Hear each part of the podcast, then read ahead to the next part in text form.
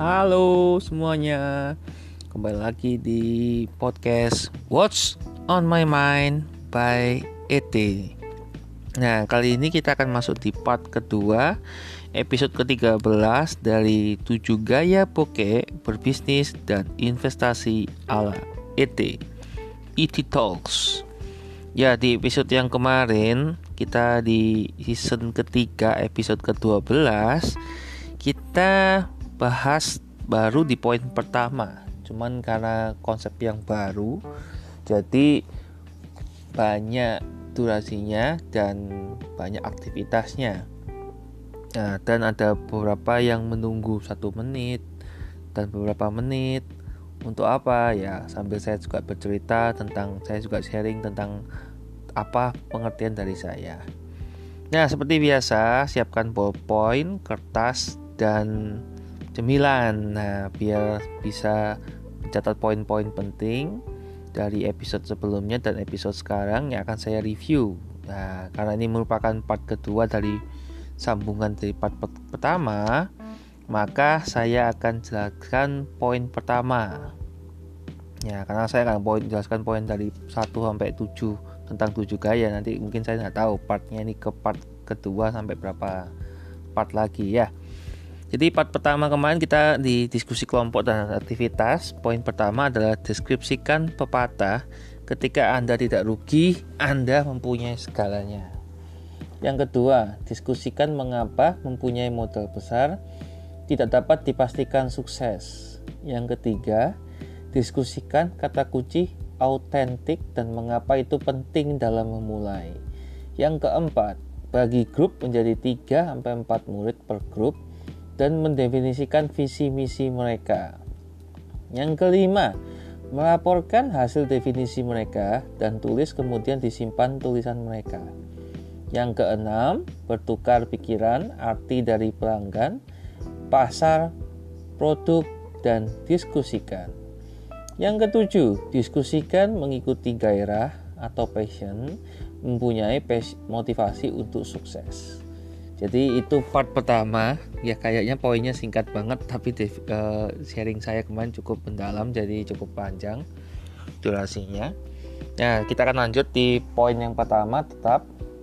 Nah ini ada sedikit meme ya. Uh, mahasiswa mabuk atau mahasiswa bokeh adalah singkatan eh mabuk adalah singkatan dari mahasiswa bokeh. Dompet tipis tapi kritis itu ada meme ya ada stikernya ada semacam stempel di mana ya anda adalah anggota dari mabuk mahasiswa poke dompetnya tipis tapi kritis Oke, di situ aja sedikit intermezzo dan review dari episode sebelumnya. Kita akan masuk ke episode ke-13 dan bagian kedua. Oke, sudah siap ya ballpoint dan kertas serta cemilannya? Oke, kita mulai di episode ke-13 season yang ketiga dari 7 gaya bokeh berbisnis dan investasi ala ET. ET Talks Part 2. Jadi kita masuk ke part kedua, bagian kedua dari rangkaian uh, season ketiga dan episode 13. Siap? Siap gak siap saya mulai.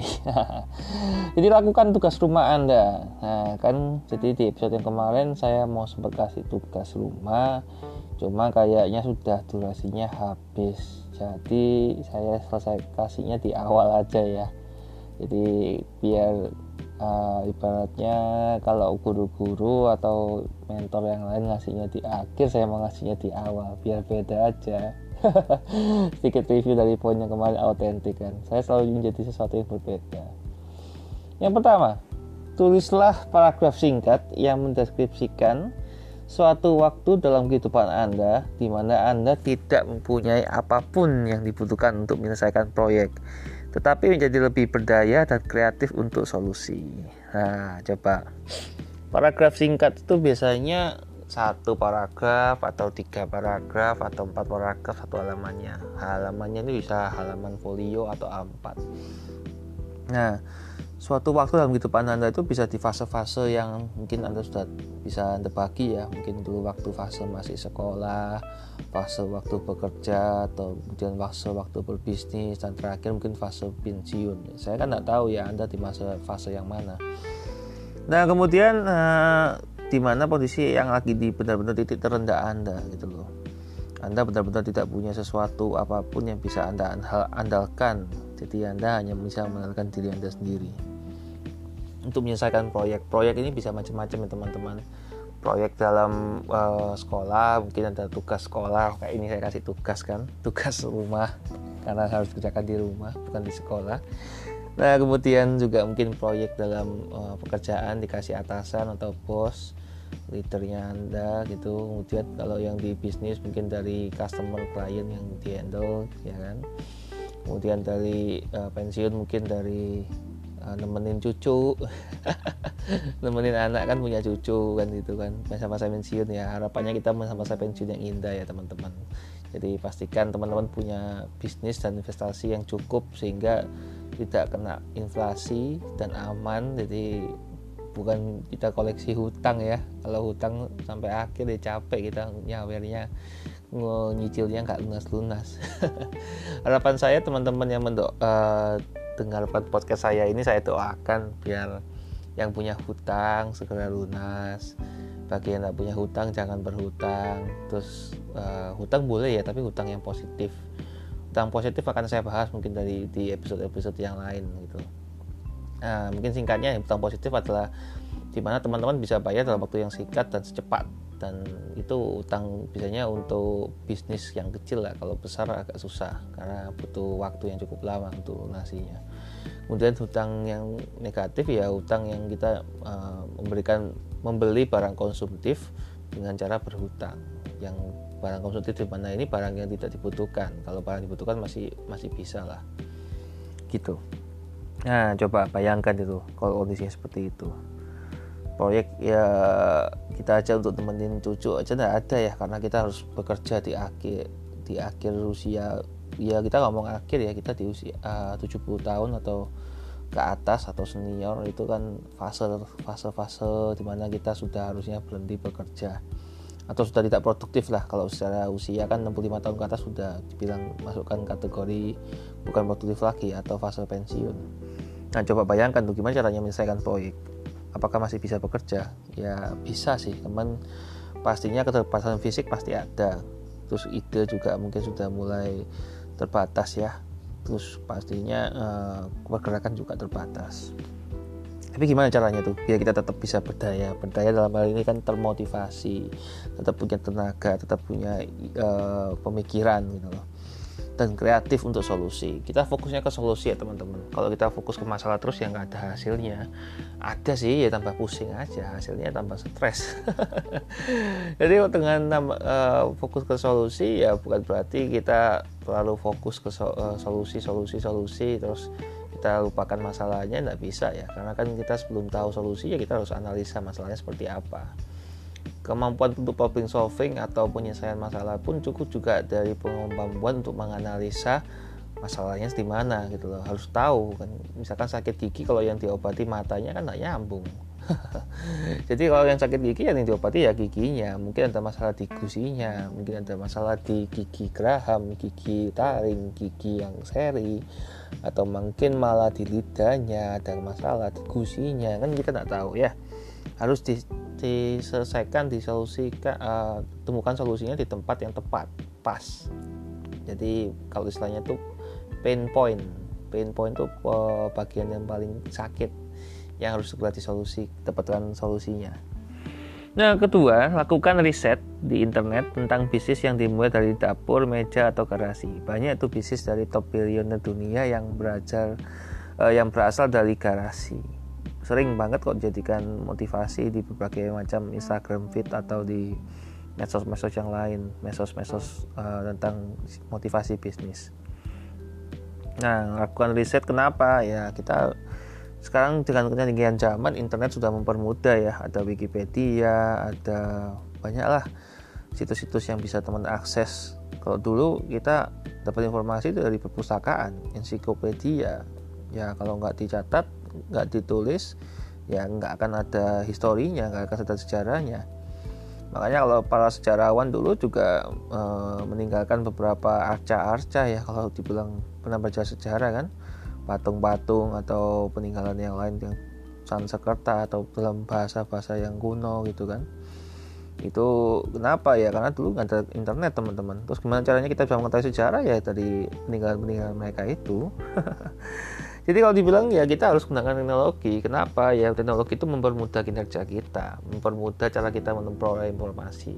Di era kalau sekarang kalau orang ngomongnya sih 4.0 ya. Kalau saya lebih ngomong ke arah 5.0 ya. Kenapa? Ya karena kita bisnis sekarang bisnis informasi. Siapa yang tahu informasi duluan tuh dia yang bisa menguasai dunia. Dia yang bisa uh, menguasai market khususnya bisnisnya dia, segmentasinya dia kalau dia tidak bisa menguasainya ya repot lah karena informasi kan tuh mahal teman-teman makanya uh, kita tuh harus cari informasi riset yang valid lah ya data yang valid Nah, teman-teman juga mungkin dengarkan saya podcast saya ini juga uh, hasil dari riset saya gitu loh. Saya sudah menulis dari ebook saya. Ini materinya saya tulis dari ebook saya. Jadi teman-teman juga bisa baca teman-teman juga bisa ulangi audio ini berulang kali podcast ini berkali-kali gitu ya. Nah kemudian dari dapur dari meja dan garasi. Kalau saya sendiri mulai bisnis saya memang uh, karena saya bukan kuliner ya termasuk dari dapur ya. Banyak bisnis kuliner yang timbul dari dapur ya mereka mencari inspirasi mencari ide. Mungkin ada satu uh, animasi yang bagus tuh Ratatouille tentang uh, tikus tikus kecil yang bisa masak yang memakai uh, mediasi manusia itu chefnya. Itu bagus banget itu menurut saya karena itu jadi salah satu contoh yang bisa saya pakai di sini dari dapur. Akhirnya dari bukan siapa-siapa jadi chef terkenal chef hebat bahkan bukan jodohnya. Kemudian dari meja meja ini bisa meja kerja bisa meja belajar. Ya mungkin dia hobinya belajar terus meja operasi misalkan atau meja eksperimen meja dalam hal ini kan banyak ya meja itu kan definisinya banyak. Ada meja hukum juga meja hijau kan. Ya bisnis itu kan bisa dimulai dari mana aja teman-teman. Bahkan dari kasur juga bisa. Bahkan dari mana ya genteng bisa. Mungkin cari inspirasinya berjemur di atas genteng gitu kan. Nggak tahu saya. Makanya kan uh, bisa lakukan riset sendiri gitu loh. Asik kan kita bisa eksperimen gitu karena kita nggak pernah tahu teman-teman dapat inspirasi dari mana. Dari naik gunung kah? Dari nyelam ke laut kah? Atau dari baca buku dari dengar podcast dari main game. Atau bahkan dari ikut kelas seminar workshop training ya tetap dari podcast saya. Ya saya sih syukur-syukur aja kalau dapat sesuatu dari, dari podcast saya. Nah dari garasi sudah pastilah teman-teman sering dengar saya nggak sebutin merek lah. Kalau merek nanti uh, kesannya saya di endorse ini. Tapi kalau mau di endorse ya monggo ada brand atau iklan yang masuk silakan. Ya berarti saya punya sesuatu yang bernilai saya punya sesuatu yang bisa ditawarkan ke para follower saya ke uh, apa namanya pengikut saya atau sesuatu seseorang yang mendengarkan podcast saya. Uh, kemudian saya lanjutkan ke poin berikutnya adalah riset perusahaan yang mempunyai dana kuat namun gagal. Mengapa gagal? Nah, teman-teman, kita belajar itu bukan hanya dari keberhasilan, tapi kita juga belajar dari kegagalan. Kalau ngomongin keberhasilan sudah banyak contohnya, tapi coba yang ngomongin kegagalan. Berapa banyak yang ngomongin kegagalan? Nah, apalagi kalau yang dengan dananya kuat namun gagal. Sekarang banyak sih startup startup ya. Kebanyakan dari luar juga dari Indonesia pun juga ada gitu loh. Yang di booming sesaat hanya sesaat aja naik daun terus tiba-tiba sudah hilang. Ya saya nggak akan sebut merek ya. Terus di luar negeri juga cukup banyak contoh-contohnya. Jadi sebenarnya kalau teman-teman lakukan PR-nya ini ya bisa menjadi jawaban dari doa anda gitu loh. Saya lakukan ini bukan untuk saya sendiri tapi ya untuk teman-teman gitu loh jadi saya bukan memberikan tugas rumah ini untuk saya ingin tahu apa uh, yang teman-teman lakukan.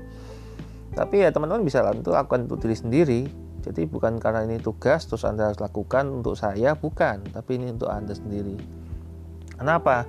Karena kebaikannya ya untuk anda terima sendiri. Tapi kalau anda mau berbagi dengan saya ya monggo gitu loh. Berarti kan kita memperkaya wawasan memperkaya saling ilmu lah ya. Karena saya bukan yang paling pintar saya bukan yang paling hebat saya bukan yang paling kuat tapi saya pastinya yang paling beda karena saya punya konsep selalu ingin jadi yang pembeda faktor X lah faktor yang paling beda banget. Atau mungkin faktor ET jadinya. Nah kenapa gitu loh dan yang kuat bisa gagal? Ya mungkin dia gagal momentum ya. Kalau bisnis itu salah satu kuncinya adalah momentum timing kalau bahasa keren, bahasa sederhananya uh, waktu yang pas. Kalau momentumnya tidak pas, apalagi misalkan launching pas corona kayak gini, ketika launching produknya harus ngumpulin banyak orang, ya kan gagal pastinya kalau launching on, offline gitu loh. Kalau launching online mungkin masih bisa produk launching, produk launching ya. Jadi ada produk yang baru dikeluarkan. Nah, kenapa mereka mungkin bisa gagal ya kembali lagi jadi kan channelnya bagaimana sambungannya, sambungannya ke pelanggan, saluran saluran uh, sambungan ke pelanggannya bagaimana? Apakah sudah di, di, uh, dikembangkan di sosial media? Kok menurut saya sekarang yang paling bagus sosial media ya, salah satu teknik uh, digital marketing yang bisa dipakai secara langsung dan dampaknya nyata, jelas, terang nyata ya sosial media karena pelanggan dengan dapat dengan mudah uh, nge-share feedback ke kita gitu loh di grup atau di page atau di apa pun itulah ya platform yang teman-teman tahu. Karena saya tidak di endorse juga dari perusahaan-perusahaan itu. Kalau saya di endorse saya akan sebutkan mereknya. Dan saya juga akan sebutkan penawaran mereka seperti apa. Karena kebiasaan saya emang jagonya di di selling itu penjualan untuk mengangkat brand awareness untuk mengangkat brand apa namanya activity-nya. Basic saya seorang event organizer. Jadi saya uh, terbiasa untuk konsep biasa untuk mik mikir untuk suatu hal yang baru apa yang harus dilakukan dari proses perencanaannya sampai proses uh, after salesnya juga. Nah kemudian uh, poin yang keempat buat daftar strategi yang bisa anda gunakan agar masyarakat sadar bisnis. Nah ini salah satu strategi saya pakai ya dengan bikin podcast ini gitu loh. Jadi dengan anda dengarkan podcast saya khususnya berarti anda sudah masuk dalam bagian dari bentuk uh, support system saya yang akan sadar bahwa penting kita berbisnis ya karena saya baca baca artikel atau baca berita di mana di saat-saat corona ya ini saat ini saya syuting di uh, saya take-nya saya take recordnya di masa-masa corona masa-masa pandemi di mana banyak orang yang ini uh, di PHK, dipecat atau diberhentikan, dirumahkan atau istilah apa pun itu ya. Bahkan ada yang tunjangannya belum terbayar full atau masih dicicil atau bahkan nggak diberikan tunjangan atau bahkan uh, pesangon. Nah ini gimana ini kondisinya mereka? Apakah mereka bisa bertahan dengan gaji yang sudah diterima?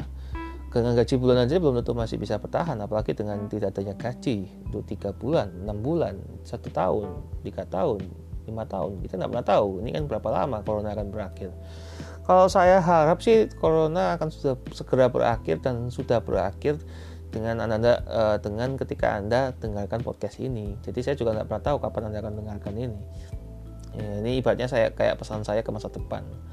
Uh, saya pernah punya uh, pengalaman uh, suatu ya pengalaman yang luar biasa di mana saya bisa kayak semacam dapat sesuatu dari masa lalu yang saya bisa bawakan ke masa depan dari masa sekarang saya bisa bawakan ke masa depan. Ya dalam hal ini saya ibaratnya pesan yang akan saya sampaikan harapannya adalah ya, Indonesia khususnya Surabaya juga eh, Jawa Timur dan provinsi yang lain dan kota-kota lain di Indonesia juga bebas dari corona atau penyakit apa pun itu. Karena kita aktivitas harus tetap jalan teman-teman. Jangan alasan apa pun itu alasan penyakit inilah itulah. Memang kita mendukung program pemerintah ya untuk stay di rumah saja atau work from home. Tapi tetap di rumah pun harus bekerja atau beraktivitas berkarya. Salah satu karya saya ya ini ebook ebook sudah saya tulis sudah lama. Podcastnya ini adalah semacam audiobook dari ebooknya saya oke itu tadi Kemudian kita masuk ke poin yang berikutnya yakni simpanlah semua hasil dari latihan yang sudah Anda kerjakan. Nah, coba dia uh, Anda simpan ya, Anda simpan baik-baik. Kemudian uh, tadi list strateginya itu juga Anda bisa banyak ya. Saya akan nanti sebutin contoh aja, bukan cuma satu, pastikan banyak daftar ya. Nah, kenapa sadar bisnis? Misalkan ya, tadi kan contoh yang sudah cukup jelas sih menurut saya ya. Ini simpanlah semua hasil dari latihan sudah Anda kerjakan Ya harapan saya setelah Anda dengarkan ini juga bukan hanya didengarkan tapi benar-benar disimpan, diresapi dan dipraktekkan. Karena percuma kalau Anda hanya belajar tapi tidak pernah praktek itu sama saja kayak orang yang sudah sekolah, sudah kuliah, begitu lulus kuliah tidak mau ngelamar kerjaan atau tidak mau nggak mau kerja atau nganggur aja, itu sama aja percuma. Lebih baik anda berkarya, karena dari karya anda itu anda akan punya sesuatu. Mungkin memang memang tidak bisa anda terima langsung dalam waktu yang sangat singkat, tapi suatu saat akan ada saatnya di mana anda akan berhasil. Karena semua orang punya waktunya masing-masing, jadi kita tidak bisa paksakan bahwa waktu anda dan waktu saya sama atau waktu yang Anda dengan waktu orang lain sama, nggak bisa. Kita berproses dengan caranya kita masing-masing, dengan waktu kita masing-masing. Gitu. Kita masuk poin yang berikutnya yakni wake up and action. Jadi saya ada semacam ilustrasi di tombol take action. Nah, itu tadi. Caranya dengan salah satunya adalah dengan call to action ya, CTA CTA ini yang saya pakai di akhir kan selalu ya teman-teman tahu pasti maksud saya apa contohnya saya jelas sangat jelas itu jadi di akhir episode saya selalu sebutkan untuk teman-teman follow atau teman-teman subscribe atau teman-teman uh, berkoneksi dengan saya di medsos saya. Kenapa? Ya dari teman-teman follow dan itu teman-teman akan dapatkan konten yang menurut saya bermanfaat karena saya bagikan konten positif. Setiap harinya itu kurang lebih tiga kali saya posting. Jadi saya posting hal-hal yang berbeda ada yang uh, review tentang film, review tentang buku. Terus juga uh, saya merecognize atau saya mengapresiasi kawan-kawan saya dalam berbisnis. Terus saya juga uh, menjelaskan tentang bisnis saya, yakni venture capital dan private equity, di mana teman-teman bisa dapatkan modal usaha dan dapatkan uh, pendanaan. Yang ujungnya adalah saya ingin bantu teman-teman untuk bisa go public dalam waktu lima tahun. Cuman di dalam podcast saya saya sudah punya komitmen saya tidak akan promosikan apa itu. Makanya teman-teman bisa connect aja langsung di medsos saya gitu. Karena di podcast saya saya fokuskan untuk sharing atau berbagi. Mungkin nanti kalau memang teman-teman ingin tahu secara audio gitu ya benar-benar pak bikin khusus tentang uh, bisnisnya bapak. Nah, itu mungkin saya bisa mulai uh, recording ya. Karena saya sudah cukup lama ini tidak menyampaikan materi tentang materi visi saya dalam bentuk audio atau dalam bentuk pidato atau dalam bentuk presentasi saya lebih seringnya lewat tulisan atau lewat ya ini disampaikan tim-tim saya ya yang yang menyampaikan partner saya yang yang presentasi gitu. Karena saya fokusnya lebih ke edukasi dalam hal ini edukasi untuk uh, human resource-nya. Uh, jadi orang-orang bisa lebih terampil untuk bekerja karena butuh keterampilan level tinggi ini untuk bisa menjalankan bisnis ini. Nah kemudian Nah, ini kita masuk ke aktivitas kedua, diskusi dan kelompok, diskusi kelompok dan aktivitasnya adalah uh, bertanya ke murid apakah mereka setuju bahwa hasrat cukup untuk sukses.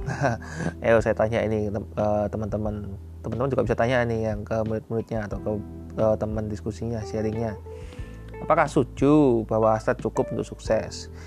Kalau saya ya ini teman-teman bisa nih sharing ya sambil sharing sambil dengerin saya gitu kan sambil catat juga mungkin kalau saya sendiri bilang saya setuju tapi bukan faktor utama dan faktor satu-satunya yang bisa bikin anda untuk sukses karena banyak faktor untuk anda bisa sukses salah satunya adalah faktor X yaitu apa keberuntungan Keberuntungan itu apa? Keberuntungan adalah kesiapan dan kemampuan jadi, bertemu jadi satu, yaitu jadilah keberuntungan. Ada sainsnya.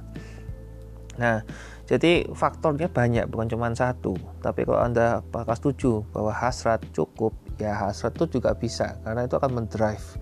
Drive itu men, e, semacam kayak menyetir ya, menyetir Anda untuk tetap semangat, tetap termotivasi kayak saya ini bikin podcast ini kan salah satu cara saya untuk bisa sukses untuk bisa dikenali sama teman-teman yang mendengarkan saya yang sebelumnya mungkin hanya baca tulisan saya. Kali ini bisa dengarkan suara saya bisa dengarkan cara saya menjelaskan bagaimana. Uh, saya mungkin juga masih belum terlalu jangkauannya terlalu luas karena saya masih lewat organik. Saya permainannya emang lewat organik.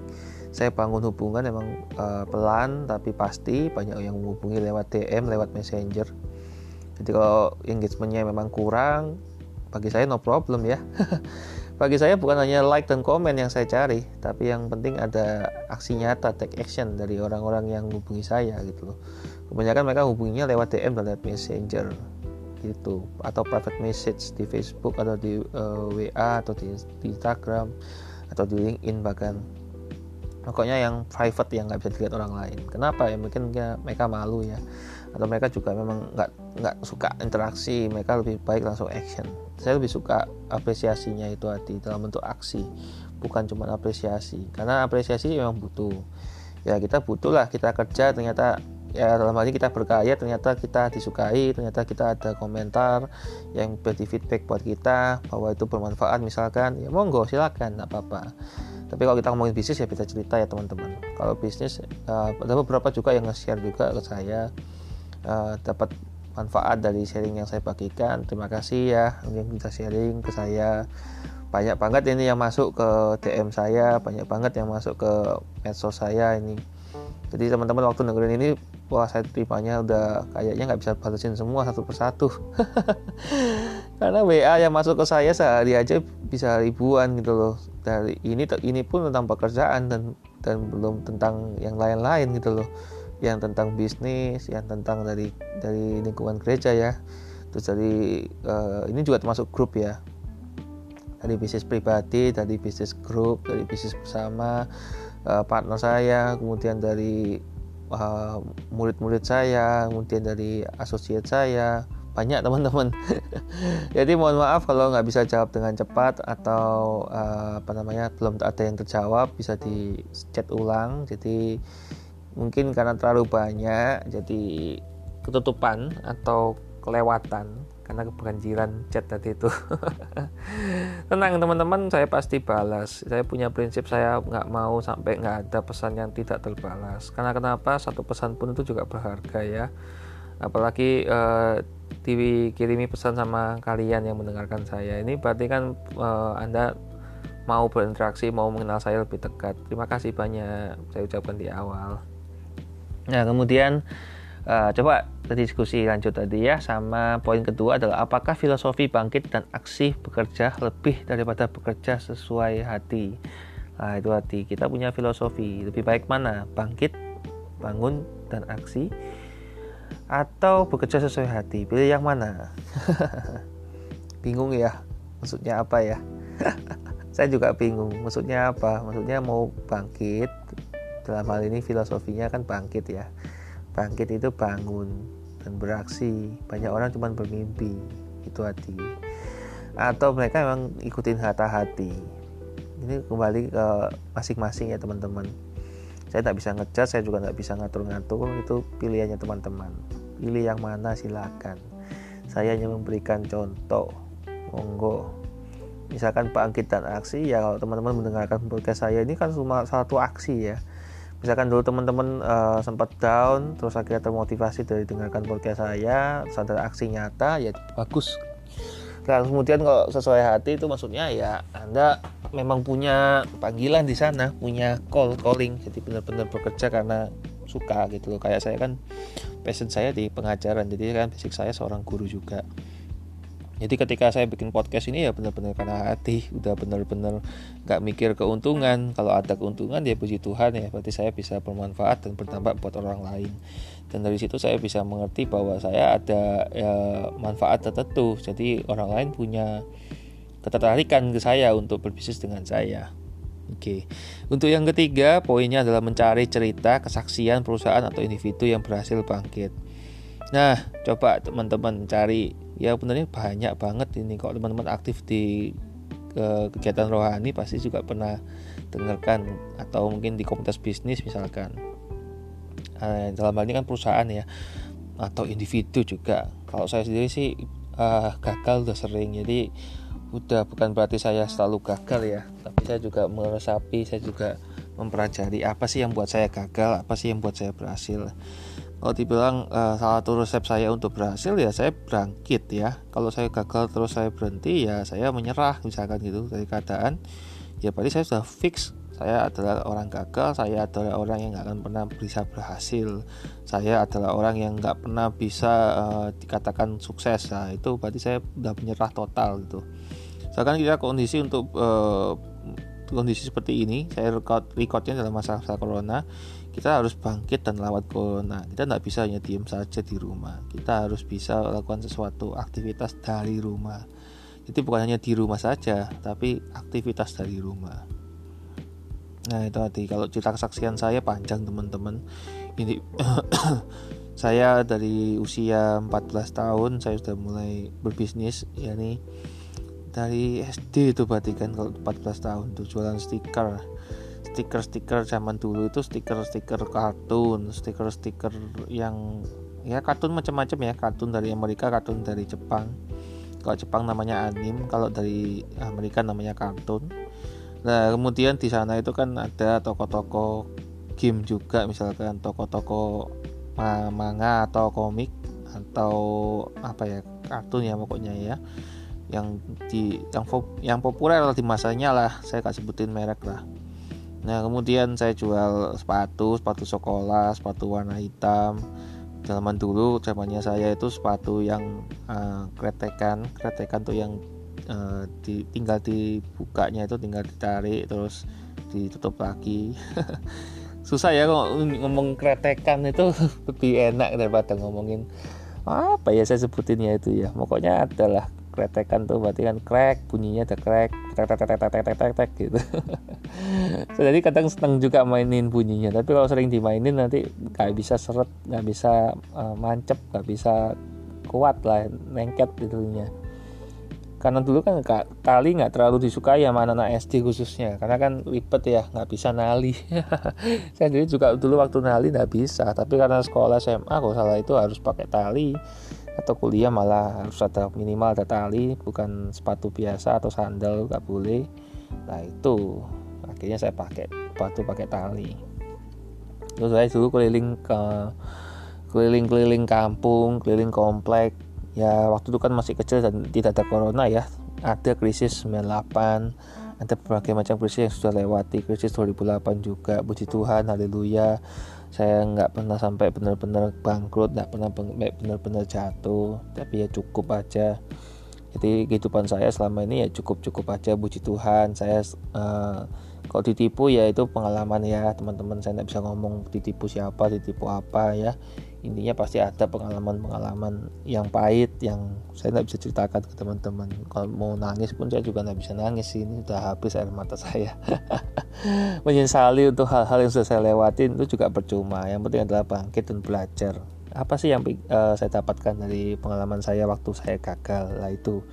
Uh, jadi uh, saya juga jualan loose leaf. Loose leaf itu apa? Ya kalau anak bukunya anak kuliahan tuh loh teman-teman kan ada kertasnya itu. Dulu waktu masih kecil kan ada tuh warna-warni terus ada toko-toko kartunnya ada yang bisa koleksi ada yang berwarna full color ada yang bisa ditulisi terus nanti kirimi kayak biografi nama hobi kesukaan makan apa terus kasih foto.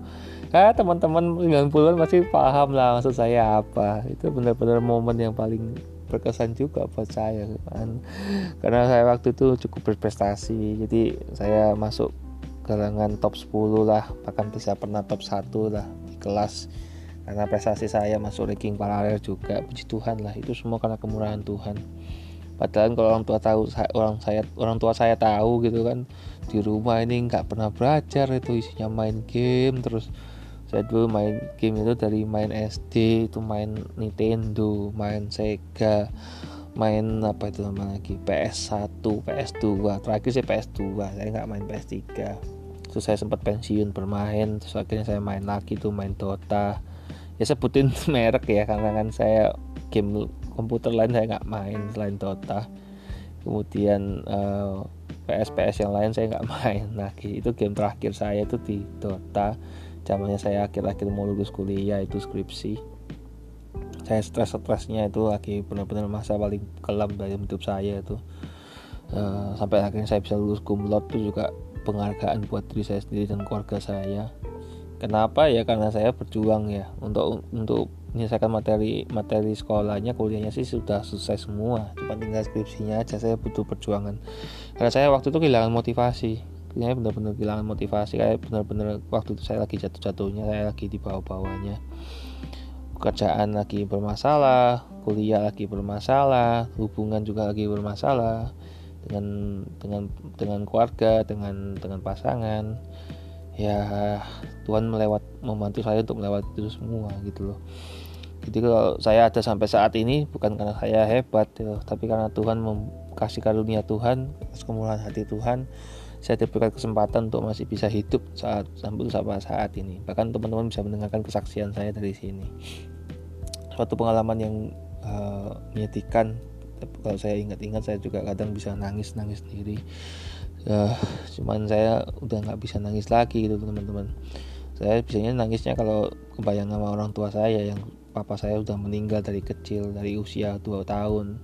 Saya enggak nggak pernah tahu papa saya terus mama saya menikah lagi terus di usia mm, empat tahunan itu saya terus agak dewasa lagi sekitar tujuh tahun 9 tahun saya punya adik adik cewek adik cowok. Ya sampai sekarang saya bangga sih karena keduanya sangat sangat berprestasi di bidangnya masing-masing. Yang satu di seni yang satunya di bisnis luar biasa lah saya punya adik yang bisa saya banggakan.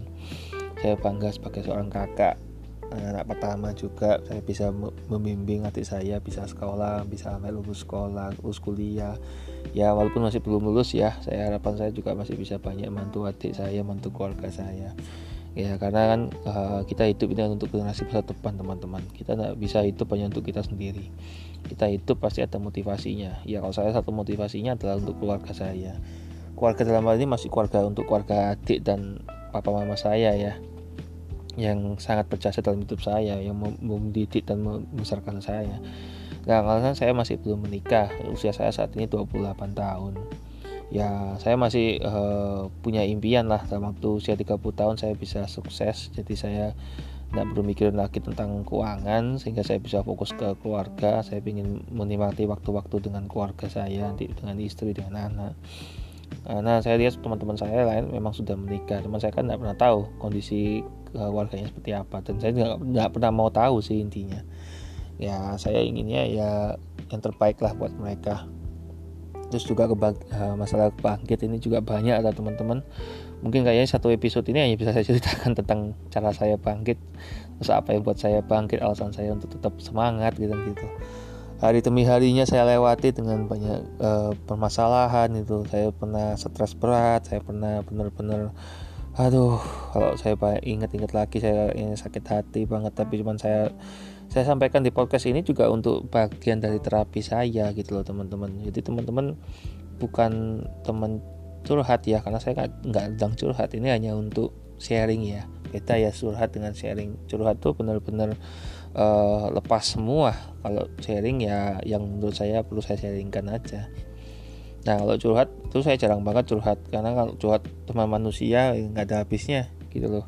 Saya curhatnya ya sama Tuhan, saya berdoa Tuhan terima kasih atas kekuatan yang diberikan bukan karena masalah saya yang kuat atau masalah saya yang besar tapi karena Tuhan yang besar saya bisa melewati masalah-masalah ini.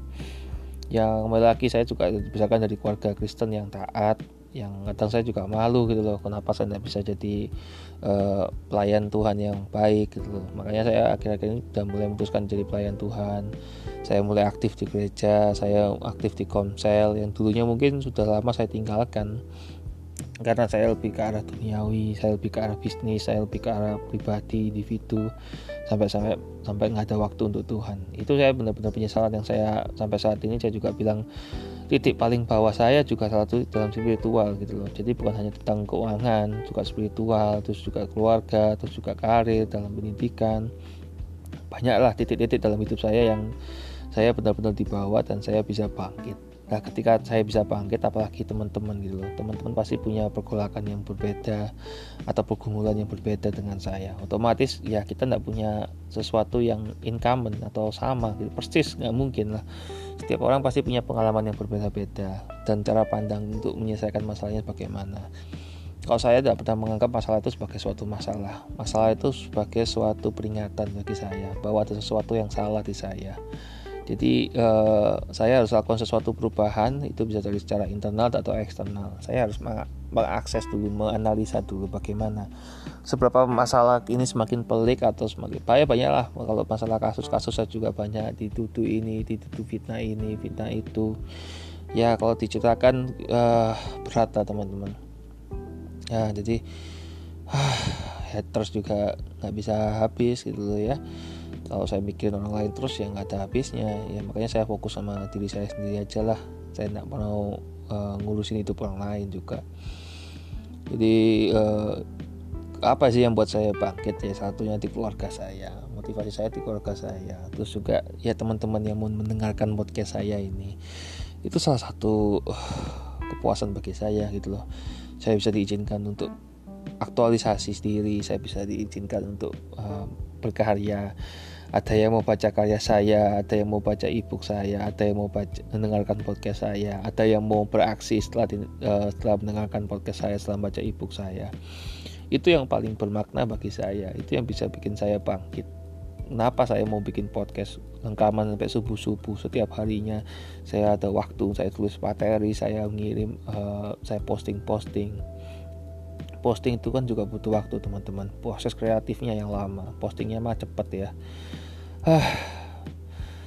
Jadi bangkit itu dalam hal ini banyak teman-teman. Ya dulunya yang postingan-postingan yang kalau dibilang mau viral ya bisa lah viral aneh-aneh sens uh, cari sensasi gitu. Cuma saya kan pengennya dikenal sebagai pribadi yang positif. Jadi ya memang lebih susah teman-teman kalau kita berbagi dengan konten yang positif. Memang lebih cepat untuk konten yang negatif ya karena itu kan cara kerja otak ya teman-teman. Otak lebih ke arah warning lebih ke arah mengingatkan sesuatu yang negatif-negatif itu berbahaya harus dihindari. Makanya lebih cepat tangkapnya daripada yang positif-positif.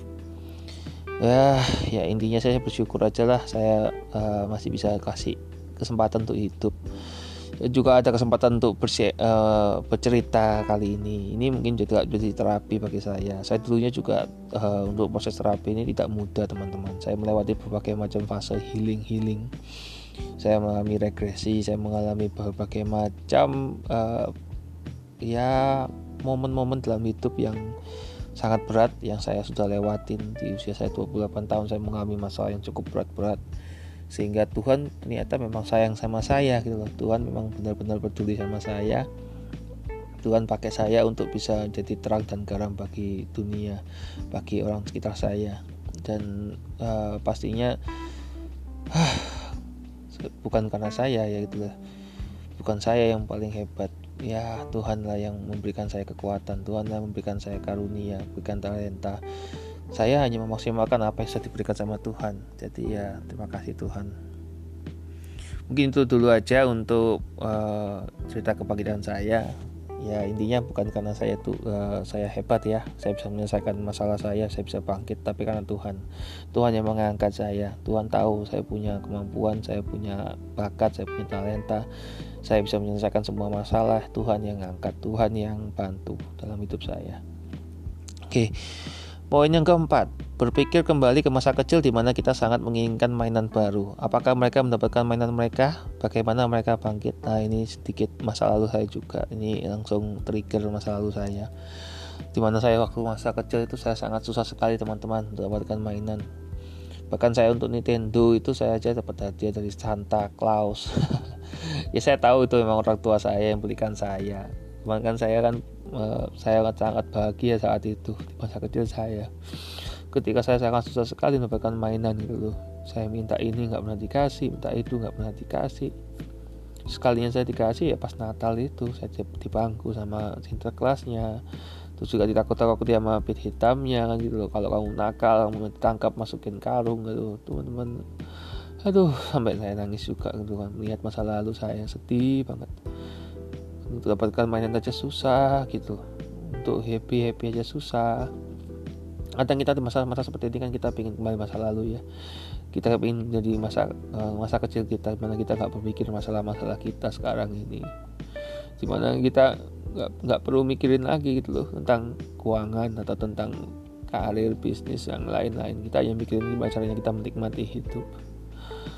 Aduh itu saya ingat lagi masalah-masa lalu saya bahkan saya waktu beli PS1 ya beli PS1 sendiri ngumpulin uang saya nabung dari uang-uang saya bisnis saya yang dia waktu kecil itu saya jualan jualan itu.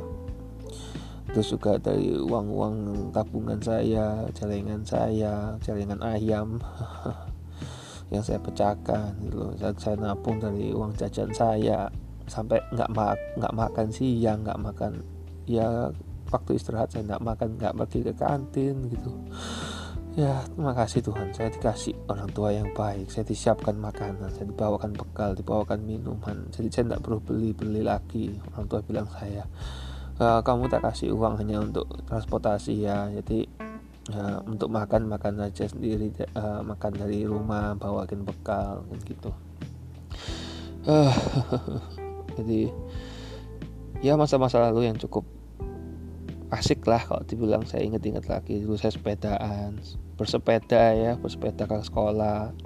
Teman-teman dekat saya teman sekolah saya juga pasti tahu saya sering ke sekolah sepeda. Bahkan pernah jalan kaki sepeda uh, jalan, jalan kaki gitu pernah pernah jalan kaki yang cukup jauh perjalanannya dari rumah gitu loh. Kenapa ya? Ya ya ya nggak apa-apa gitu loh saya benar-benar untuk menghemat yang dibilang suruh naik kendaraan umum atau naik kendaraan beca gitu, atau bemo saya mendingan jalan kaki berangkat lebih pagi untungnya sampainya nggak telat gitu loh. Kalau telat kan masih dapat hukuman lagi dari sekolahan. Nah. Kemudian ya mainan juga dulu zamannya salah satu fast food yang terkenal di Indonesia gitu yang logonya M. Koleksi uh, paket mainannya yang dari paket anak-anak. Saya hanya bisa dapat kalau saya dapat nilai 100 teman-teman bayangkan 100 99 aja nggak saya nggak dapat hadiah saya nggak dapat mainan itu. Bahkan saya punya satu etalase isinya mainan itu. Paket happy namanya. Inggrisin aja biar tahu apa itu. Ada etalasenya ada mainannya bahkan sampai lengkap semua ada. Bayangkan teman-teman untuk dapatkan mainan dapatkan mainan itu saya susah gitu loh. Apalagi untuk yang lain buku hobi saya yang lain gitu. Saya kan punya banyak hobi. Dulu juga hobi olahraga badminton renang sepak bola futsal volley uh, bowling. Golf belum pernah nyoba sih saya. Penasaran pengen main golf. Olahraga olahraga yang fisiknya cukup ya olahraga sendiri dan olahraga bersama tim. Kangen lah istilahnya. Mainan saya ya mainan itu dulu mainan anak-anak kampung gitu loh. Walaupun saya emang tinggalnya nggak di daerah kampung tapi ya banyak anak kampung yang masih ya seumuran saya usia saya yang hobinya memang main di luar. Zaman sekarang mah susah ya saya lihat orang kayak gitu. Anak-anak main di luar. Apalagi yang tinggal daerah perumahan. Pasti mainnya ya main di rumah udah main gadgetnya masing-masing. Dulu saya punya handphone pertama aja udah usia usia usia akhir SMA BlackBerry dulu waktu trending trendingnya itu saya benar-benar bangga banget saya bisa punya BlackBerry dulu karena kan yang diminta ikan pin bukan nomor telepon. Lebih mudah orang ngasih pin daripada ngasih nomor telepon. Ya banyaklah mainan-mainan yang saya bisa ingat di masa lalu saya. Coba itu teman-teman bayangkan juga. Apakah saya dapat mainan itu? Kalau saya dapat 100 saya nggak dapat mainannya. Saya nggak bisa beli PS1 saya nggak beli sepeda saya bisa beli sepeda motor saya sendiri. Bayangkan teman-teman. Itu semua dari hasil kerja keras saya. Kerja loh teman. Bayangkan udah sekolah harus pinter terus kerja. Ya biar bisa dapat mainan. Hanya untuk mainan teman-teman. Gitu hah. Ingin kadang belanja makan di kantin gitu kan. Jarang banget. Ya kalau saya nggak pasti jemput di sekolahan itu ayo sebelum pulang kita makan dulu di kantin apa? Ya itulah jarang lah istilahnya makan di kantin. Kuliah baru sering walaupun juga dibawain dari rumah kadang juga karena pulangnya sore sampai malam karena ikut aktivitas di kuliahan aktif di organisasi. Uh, jadi kuliahnya siang sampai sore kuliah uh, aktivitasnya sampai malam. Ya saya tidak uh, bekal sama orang tua saya. Saya nggak malu teman-teman banyak teman-teman saya kuliah saya juga lihat saya tanyain kan lu kenapa kamu makan di kelas? Kenapa makan nggak di kantin aja? Kan ada kantin ada menu. Ya saya bilangnya ya saya menghargai bekal dari orang tua saya yang bangun pagi-pagi nyiapin makanan kan gitu. Uh, nyiapin makanan uh, bangun pagi susah teman-teman. Subuh-subuh sudah harus masak-masak terus harus siap-siap mau nganterin uh, nganterin anak-anak yang lain adik-adik saya. Kalau saya dulu kan sudah bisa berangkat sendiri naik sepeda motor sendiri. Waktu saya dulu waktu belajar sepeda motor juga aduh sedih banget. Jatuh berkali-kali sepeda juga jatuh berkali-kali masuk ke got gitu. Bayangkan. Gimana nih kalau saya menyerah gitu loh? Kalau saya menyerah naik sepeda jatuh terus ya udah jatuh udah mau naik sepeda lagi naik uh, pakai sepatu roda terus nggak mau jatuh. Jatuh terus nggak mau sepatu roda lagi. Naik skateboard jatuh terus nggak mau pakai skateboard lagi. Nah gimana coba? Mungkin saya tidak pernah merasakan bahagianya kita ada roda-roda jalan pakai roda gitu kan. Aduh saya pernah nih uh, jatuh juga waktu main sepak bola futsal lah istilahnya. Itu salto di paspal. Wah sampai penjut penjut kepalanya. Penjut itu ada benjolan ya di kepala bagian belakang. Untungnya nggak ada apa-apa mau tak saya nggak ada masalah. Orang tua saya sempat shock sempat kaget sempat panik. Nanti pikirnya takutnya ada kegar otak atau gimana. Ya puji Tuhan lah Tuhan memberikan saya kesempatan lah. Nggak ada apa-apa. Ya cuman penjol yang nggak bisa hilang-hilang bahkan rambut saya nggak tumbuh-tumbuh di bagian ini ya nih ya akhirnya saya tumbuhkan di bagian yang lain. Jadi untuk tutupi botak saya itu ada pitanya lah istilahnya ya itu dari masa-masa lalu saya. Mungkin kalau dibilang kok gak nakal ya Pak Teo ya? Yang nakalnya ya dalam versi yang berbeda teman-teman. Ya teman-teman saya banyak yang nakal banyak yang ngejakin nakal. Cuman saya kan dari dulu emang culun ya polos lah. Pilih pilih teman-teman juga gitu loh. Pilih lingkungan pilih permainan nggak mau asal-asalan gitu loh berarti teman yang rokok aja saya nggak suka terus teman yang poke-pokepan porno-porno saya juga nggak suka teman yang suka party aja saya juga nggak suka. Ah yang saya suka ya apa? Duduk diam di perpustakaan. Atau bahkan pinjam buku dari perpustakaan. Bahkan sehari bisa lebih ya bukan cuma sehari sih kita ngomong seminggu aja deh biar nggak lebay kan. Sehari bisa saya baca satu buku kan sudah luar biasa ya saya baca serial biografi tokoh-tokoh terkenal dulu tuh. Terus ada chicken soup.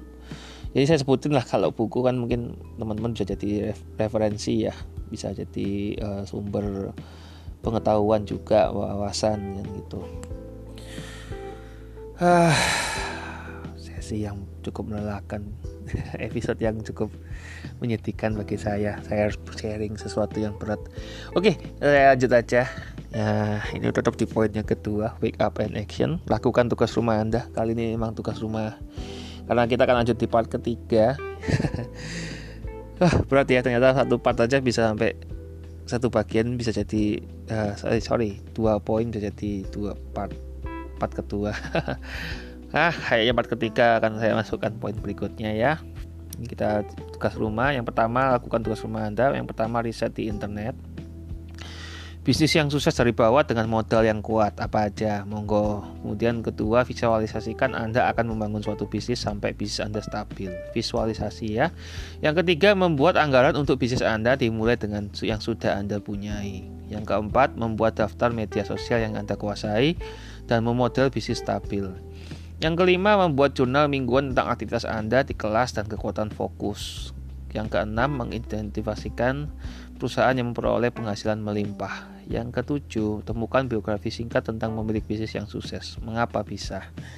Itu poin-poinnya. Untuk di, uh, penjelasan lebih lengkap, mungkin akan sedikit saya bahas di episode selanjutnya. Karena ini durasi sudah 53 menit. Kalau saya jelaskan secara lengkap, bakalan habis. Sedikit aja untuk poin-poinnya dan sekat satu atau dua kalimat kalau bisa di internet bisa pakai Google sudah pasti pakai Google bisnis yang itu karena salah satu search platform yang pasti dipakai sama orang rata-rata sudah bawaan dari handphonenya. Nah kemudian dari bawah ya teman-teman cari yang sukses dari bawah modalnya yang kuat juga gimana gitu loh. Siapa saja tokoh-tokohnya siapa aja apa aja bisnisnya. Visualisasikan tuh ya anda bangun uh, bangun pagi anda bangun tuh sudah semangat sekali. Saya anda ucapkan berkali-kali self talk. Bahkan anda memikirkan bayangkan. Apa yang anda bayangkan akan anda pikirkan apa yang anda pikirkan uh, akan anda ucapkan apa yang anda ucapkan akan jadi anda lakukan. Dari tindakan anda akan melakukan hasil. Dari hasil itu anda akan mendefinisikan siapa diri anda sesungguhnya. Yang ketiga Uh, untuk anggaran Anda bisa budgeting sesuai dengan Anda yang punya. Sekarang anggarannya berapa? Sesuaikan ya dengan anggaran masing-masing jangan lebih jangan kurang jangan maksa juga. Yang keempat daftar media sosial banyak ya platform sekarang. Kalau saya sekarang uh, winning campaign saya justru di LinkedIn ya. Saya juga tidak pernah menyangka di jaringan jaring profesional yang dulu saya nggak bisa tahu cara pakainya gimana. Ternyata setelah saya mempelajari yang cukup waktu berbulan-bulan terakhir ini saya mempelajari algoritmanya bagaimana akhirnya saya bisa winning campaign di sana yang kelima jurnal mingguan aktivitas anda. Ini saya lakukan setiap harinya bahkan bukan cuma mingguan. Setiap harinya saya tulis apa aja aktivitas saya seharian.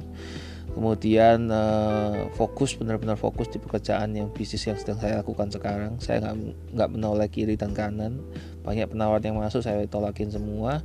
Karena saya ingin sukses di sini karena ini adalah ladang saya istilahnya kemudian uh, mengidentifikasikan tadi banyaklah contoh penghasilan perusahaan-perusahaan yang melimpah apalagi di masa-masa pandemik atau masa-masa uh, apa ini namanya ini permasalah masa-masa lagi di bawah ini kan banyak yang bangkrut memang banyak yang tutup tapi juga banyak yang berhasil. Karena bisnis kan nggak semuanya tutup ya pasti ada yang berhasil di saat-saat eh, masa-masa pandemik Ya biografi singkat ya banyak teman-teman pasti tokoh-tokoh masyarakat atau tokoh-tokoh pengusaha yang sudah tergabung di berbagai macam komunitas yang sudah berhasil. Ya teman-teman ingin sukses di bidang apa? Misalkan kuliner ya jadi tokoh kuliner. Kalau di entertain ya entertain. Komika misalkan jadi stand up comedian ya komik ya. Terus jadi penyanyi ya penyanyi Nah itu kan mereka sebenarnya self employee ya. Tapi kalau bisnis kan bisa lebih ke recording misalkan film atau gimana. Itu aja dulu di poin yang kedua. Kita akan lanjut di poin yang ketiga di part yang ketiga di episode ke-14 dari uh, 7 gaya bokeh berbisnis dan investasi ala ET. Nah, episode yang cukup melelahkan bagi saya karena saya ya setelah lama nggak nangis nggak nggak nggak sedih-sedih akhirnya ada sharing-sharing gimana saya berbagi masa-masa kelam saya masa-masa sedih saya. Bahkan bisa lebih dari itu sih teman-teman. Ada beberapa yang saya sih saya belum ceritakan. Penasaran? Ya tetap dengerin ya biar teman-teman tetap uh, termotivasi. Huh, rekaman ini saya lakukan di pagi hari di subuh-subuh jam 3 ya karena ini karya yang saya persembahkan untuk teman-teman saya tidak mau ada gangguan noise. Saya juga inginnya aktivitas seperti biasa cuman ya ini salah satu waktu yang saya luangkan waktu luang waktu istirahat saya. Ini bukan waktu luang waktu istirahat saya harus rubah. Istirahat saya saya setting ke siang sore saya uh, bukan curi-curi waktu ya tapi saya usahakan ada waktu untuk istirahat. Mungkin itu dulu aja di part kedua kita akan lanjut di part ketiga di episode ke-14 seperti biasa, follow medsos saya. Ini sudah masuk menit 57. Medsos saya di Facebook, LinkedIn, Elios Theophilus Kandawijaya, IG, Twitter, Telegram, YouTube, Line di Elios Theophilus G. Closingnya di podcastnya di What's on My Mind by ET bisa di streaming di layanan streaming yang ada bisa di Spotify, Apple Podcast, IGTV juga kalau ada waktu saya akan upload. Kemudian nanti di Anchor FM nah untuk closing teman-teman tahu ya you know my name not my story. Nah sekarang kalau teman-teman yang mendengarkan podcast saya sudah tahu nama saya dan tahu cerita saya. Itu sih tujuan saya juga salah satunya adalah untuk teman-teman biar tahu dari saya sendiri bukan dari orang lain Terakhir setelah salam salut teman-teman untuk anda yang sudah mendengarkan sampai akhir. Terima kasih banyak atas uh, kesempatannya, atas waktunya. Sampai ketemu di episode selanjutnya. See you, Tuhan memberkati.